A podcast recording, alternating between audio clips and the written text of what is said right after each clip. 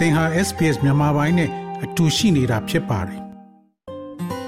SBS မြန်မာပိုင်းကို အင်ကာနဲ့စနေနေ့ည10:00နာရီမှနားဆင်နိုင်တယ်လို့အွန်လိုင်းကနေလည်းအချိန်မီနားဆင်နိုင်ပါပြီ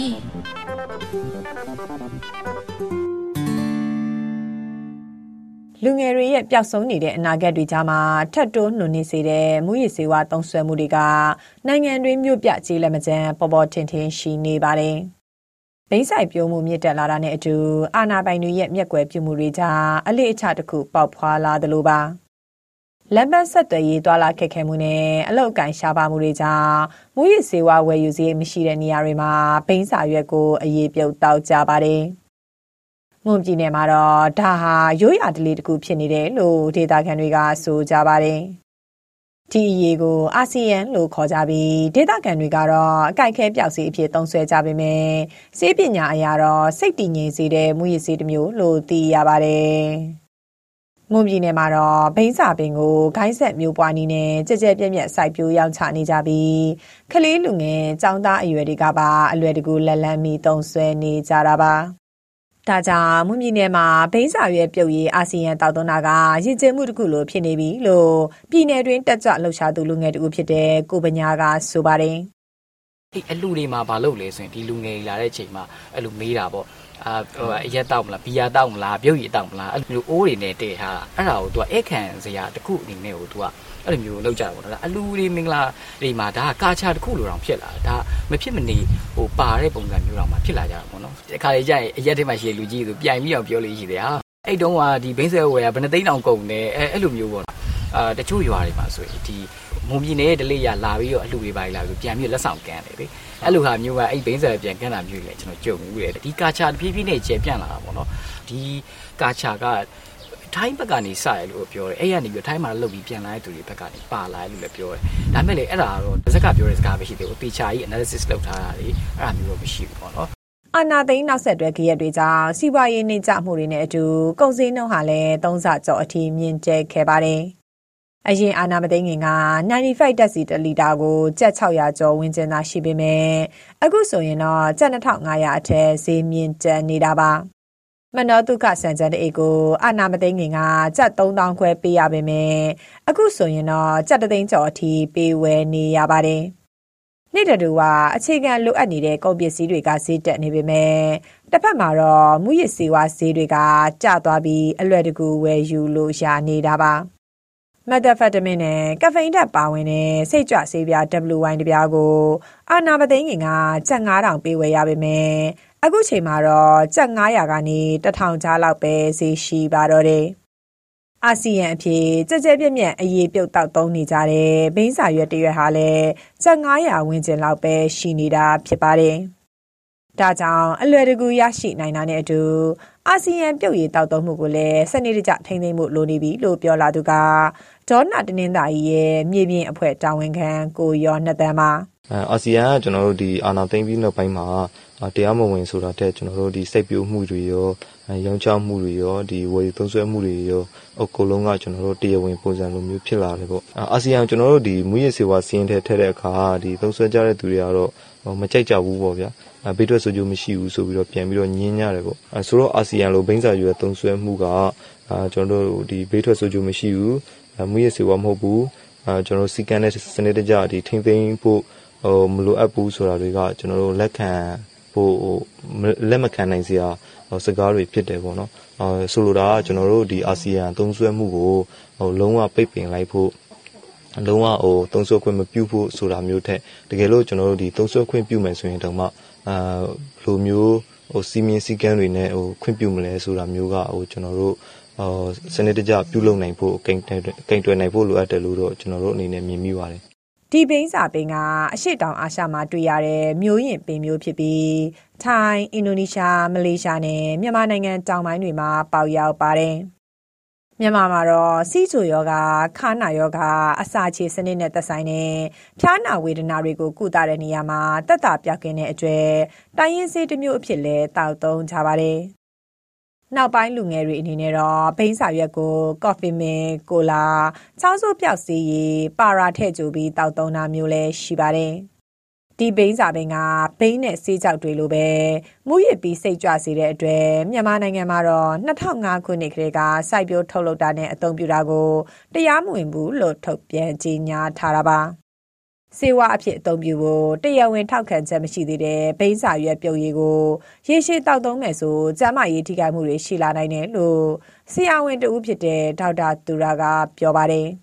ဟိုနည်းနည်းလေးပဲသုံးမယ်ဆိုရင်တော့သူကလူကိုစိတ်တက်ကြွပြီးတော့ ကောင်းစေတယ်ပေါ့နော်အားအင်ဖြစ်စေတဲ့ခံစားမှုမျိုးရစေတယ်အဲများတယ်အဲ့ဒီထက်နည်းနည်းလေးပိုများတဲ့ပမာဏဆိုရင်တော့ကျွန်တော်တို့ euphoria လို့ခေါ်တာပေါ့နော်မူရစ်စေးတွေပါသုံးလို့ရှိရင်ဟိုကောင်းနေတယ်လို့ပြောကြတယ်လေပေါ့နော်အဲ့ဒီ level ကိုရောက်သွားတယ်နည်းနည်းများသုံးလို့ရှိရင်အဲအဲ့ဒီ level ကျရင်သူကအကြိုက်ခဲဘာညာတက်တာစေတယ်ပေါ့နော်ဟို အဲ့ဒါ level တစ်ခုအဲအရန်များတဲ့ပမာဏကိုတုံးလိုက်မယ်ဆိုရင်တော့သူကလူက drowsy မှိန်းသွားတယ်ပေါ့နော်မှိန်းပြီးတော့မှအိတ်ချင်လာတယ်အဲအဲ့လိုမျိုးအုံနောက်ကိုသွားပြီးတော့ဖိနှိပ်ပြီးတော့ဟိုတုတ်ပြန်မှုတွေနှေးစေတယ်ပေါ့နော်အဲဘယ်ပမာဏကဘယ်လောက်ပမာဏဆိုတာတော့အတိအကျကြီးတော့မရှိနေဘူးပေါ့နော်အဲရေရှည်ရောရေတူရောမှကျွန်တော်အခုပြောမဲ့အကျိုးဆက်တွေတော့ဖြစ်လာနိုင်တာပေါ့နော်သူကအရွက်လို့သာပြောတယ်ဆိုပေမဲ့သူ့ရဲ့ဟိုရေရှည်အကျိုးဆက်ကတော့မူရည်စေဝါတွေလိုမျိုးပဲအဲကြောင်ချောင်းချဖြစ်တာပြင်ကိုအသက်ရှူရခတ်တယ်တက်တယ်တတိလစ်တယ်နောက်ဆုံးအသက်အန္တရာယ်မျိုးတွေထိလည်းဖြစ်လာနိုင်တာပေါ့နော်အခုလိုမူရစ်စေးတဲ့ဆေးဝါးတွေကိုအသုံးပြုလာတာကမြန်မာနိုင်ငံတွင်နိုင်ငံရေးစီးပွားရေးအကျက်တဲတွေနဲ့ဓာတ်ရိုက်ပတ်သက်နေတယ်လို့လိလာသုံးသပ်သူတွေကဆိုကြပါတယ်။အာနာမသိငင်10နှစ်တာကာလအတွင်းကဘိန်းစားထိုးစီမံချက်တွေစီးပွားရေးအလုပ်ကိုင်ခွင့်လန်းတွေရရှိခဲ့တာကြောင့်ဘိန်းဆိုင်ပြုံမှုတွေကတဖြည်းဖြည်းကျဆင်းခဲ့ပါတယ်။ 2019 ခုနှစ် ကုလသမဂ္ဂ မူရစ်စေဝါနဲ့ ရာဇဝတ်မှုကင်းဆိုင်ရာရော UNODC ရဲ့ အချက်လက်မှာဆို ဘိန်းဆိုင်ပြိုးပမာဏက17ရာခိုင်နှုန်းအထိ ကျဆင်းခဲ့တာပါ UNODC ရဲ့ အခုနှစ် ဇန်နဝါရီလ ထုတ်ပြန်ချက်မှာတော့ အရင်ကကြာဆင်းခဲ့တဲ့ ဘိန်းဆိုင်ပြိုးမှုက အာနာသိမ့်ပြီးနောက်33ရာခိုင်နှုန်းအထိ ပြန်မြင့်တက်ခဲ့တယ်လို့ ဖော်ပြထားပါတယ် ပြီးခဲ့တဲ့နှစ်မှာ နိုင်ငံအနှံ ဘိန်းတန်ချိန်800နီးပါး ထွက်ရှိခဲ့ပြီး ဘိန်းဆိုင်ခင်းက ရရှိတဲ့အမြတ်က အရင်ထက်2ဆလောက်တာတာကြောင့် ဘိန်းဆိုင်ပြုံးမှုဟာလည်း ကျယ်ပြန့်လာတယ်လို့ ဘိန်းဆိုင်တောင်သူတွေက ဆိုကြပါတယ်။ လက်ရှိမှာတော့ကျောင်းနေရွယ်ကလေးငယ်တွေရဲ့အထိစိတ်ဝင်လာတဲ့မူရစ်စေးသုံးဆွဲမှုကိုတားဆီးနိုင်ခြင်းမရှိတော့ဘဲအာနာသိမ့်ပြီးနောက်ပိုင်းအသိပညာပေးလုပ်ငန်းတွေလည်းရပ်တန့်နေတယ်လို့မူမီနယ်အတွင်းတာဝန်ထမ်းဆောင်ခဲ့တဲ့သူနာပြုဆရာမမက်ခန့်တွေကဆိုပါတယ်အခုလောလောဆယ်ရကြတော့ကျမတို့တိုင်းပြည်ရတဲ့အာနာကလည်းတိန်လာတယ်ကမောက်ကမလေးဖြစ်နေတဲ့ခါကျတော့ဟိုစားကစားဘက်ကနေပြီးတော့ကျမကြည့်နေရသလောက်တော့ဟိုအားဖိဖိစီစီနဲ့ဒီဟာကြီးကို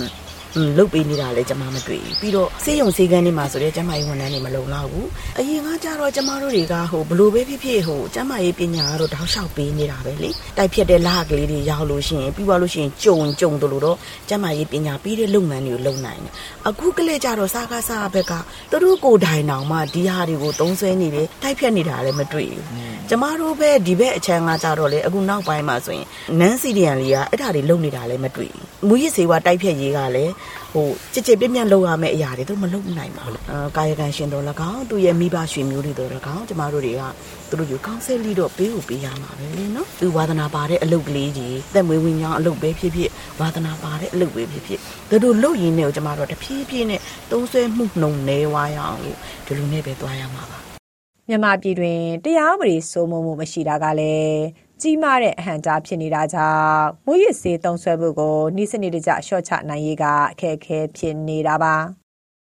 ထိရောက်တဲ့တားဆီးနေနေမှုမရှိတဲ့ကြားမှာပဲ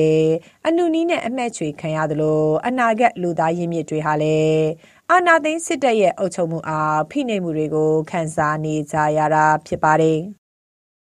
တက်ကြွလှုပ်ရှားသူတူဖြစ်တဲ့ကိုပညာကတော့စစ်အာဏာရှင်စနစ်မလွတ်မြောက်သေးခင်ကာလမှာလည်းမွရစ်စေးသုံးဆွဲမှုရှော့ချနိုင်ရေးကိုတပြိုင်နက်တည်းလှုပ်သွားဖို့လိုတယ်လို့အကြံပြုပါတယ်။ဆိုလိုချင်တာကဒီဒီဟာတွေကိုတိုက်ဖြတ်ဖို့ဆိုရင်အဓိကတော့ဒါဒေသနာဆိုရမှာတောင်းရှိရပေါ့နော်ဒါပေမဲ့လေဒီဟာကိုတိုက်ဖြတ်တဲ့အခါမှာဒီပြောင်းစုဆိုရရဲ့ကုညီလေးယူဖို့လိုတယ်ပေါ့ Federal စနစ်မှာတော့ဆိုတော့အဲ့လိုပုံစံမျိုးနဲ့တော့တွားရမယ်အဲ ကျွန်တော်တို့ဒီဆက် nation စနစ်ကိုအမြင့်ဖြတ်ချုပ်ငင်းပြီးရဲ့နောက်ပိုင်းမှာဒီဟာတွေကိုကျွန်တော်တို့အရေးယူနိုင်ဖို့ကျွန်တော်တို့လုပ်ရမယ်ပေါ့နော်ပြီးရင်ကျွန်တော်တို့ကဟိုမူဝါဒတွေလည်းပြောင်းလဲဖို့လိုတယ်ပေါ့နော်တဖြည်းဖြည်းနဲ့ပြန်ပြီးတော့ပေါ့နော်ဒီလူလူတွေကိုကောင်းတဲ့ဘက်ကိုဆွဲပြီးတော့တွင်းလာတာမျိုးပေါ့နော်ပြီးဆေးဖြတ်စကန်တွေကျွန်တော်တို့အများကြီးထားပေးတာမျိုးတွေပေါ့နော်အဲ့လိုမျိုးတွေနဲ့မူဝါဒလေးတွေနဲ့ပြောင်းပြီးတော့လုပ်တင်တယ်ပေါ့ကျချက်ချင်းကြီးကျွန်တော်တို့ကဘာလို့လဲဆိုကျွန်တော်တစ်ဖက်မှာလည်းနိုင်ငံရေးပြဿနာတွေကလည်းရှိနေသေးတာဟုတ်အဲ့နိုင်ငံရေးပြဿနာတွေလုံနေနေမှာကျွန်တော်တို့ parallel အနေနဲ့သွားရမှာဆိုတော့အဲ့လိုသွားရမှာဖြစ်တဲ့အတွက်ကြောင့်မို့လို့ဒီ တဖြည်းဖြည်းတဲ့ကျင်းနဲ့ပဲပြန်ဆွဲခေါ်တဲ့နီလန်ပေါ့ဥပမာ WY လိုဟာမျိုးယာမယာဘလိုဟာမျိုးရဲ့ကျွန်တော်လူအင်မတန်ထိခိုက်စေတဲ့ဟာမျိုးဟိုလူ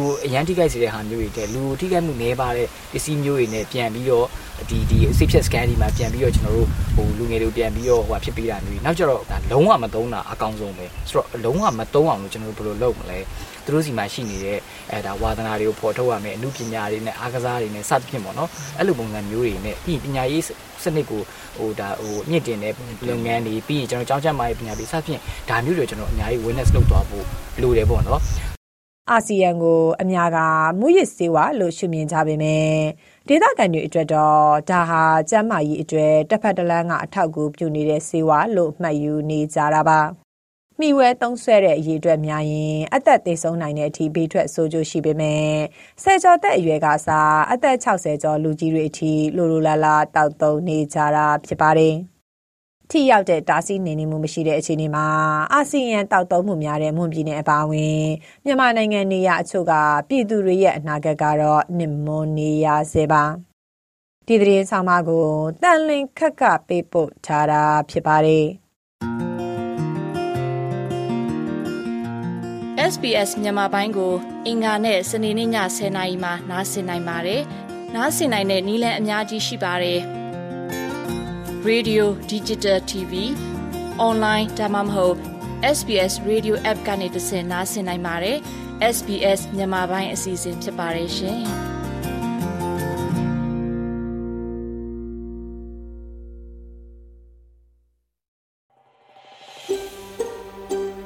ဒါမျိုးသတင်းဆောင်မတွေကိုပိုနားဆင်လိုပါလား Apple Podcast Google Podcast Spotify တို့မှာ သင်ပင်ရာဖြစ်ဖြစ်ရယူတဲ့ podcast ကနေပါ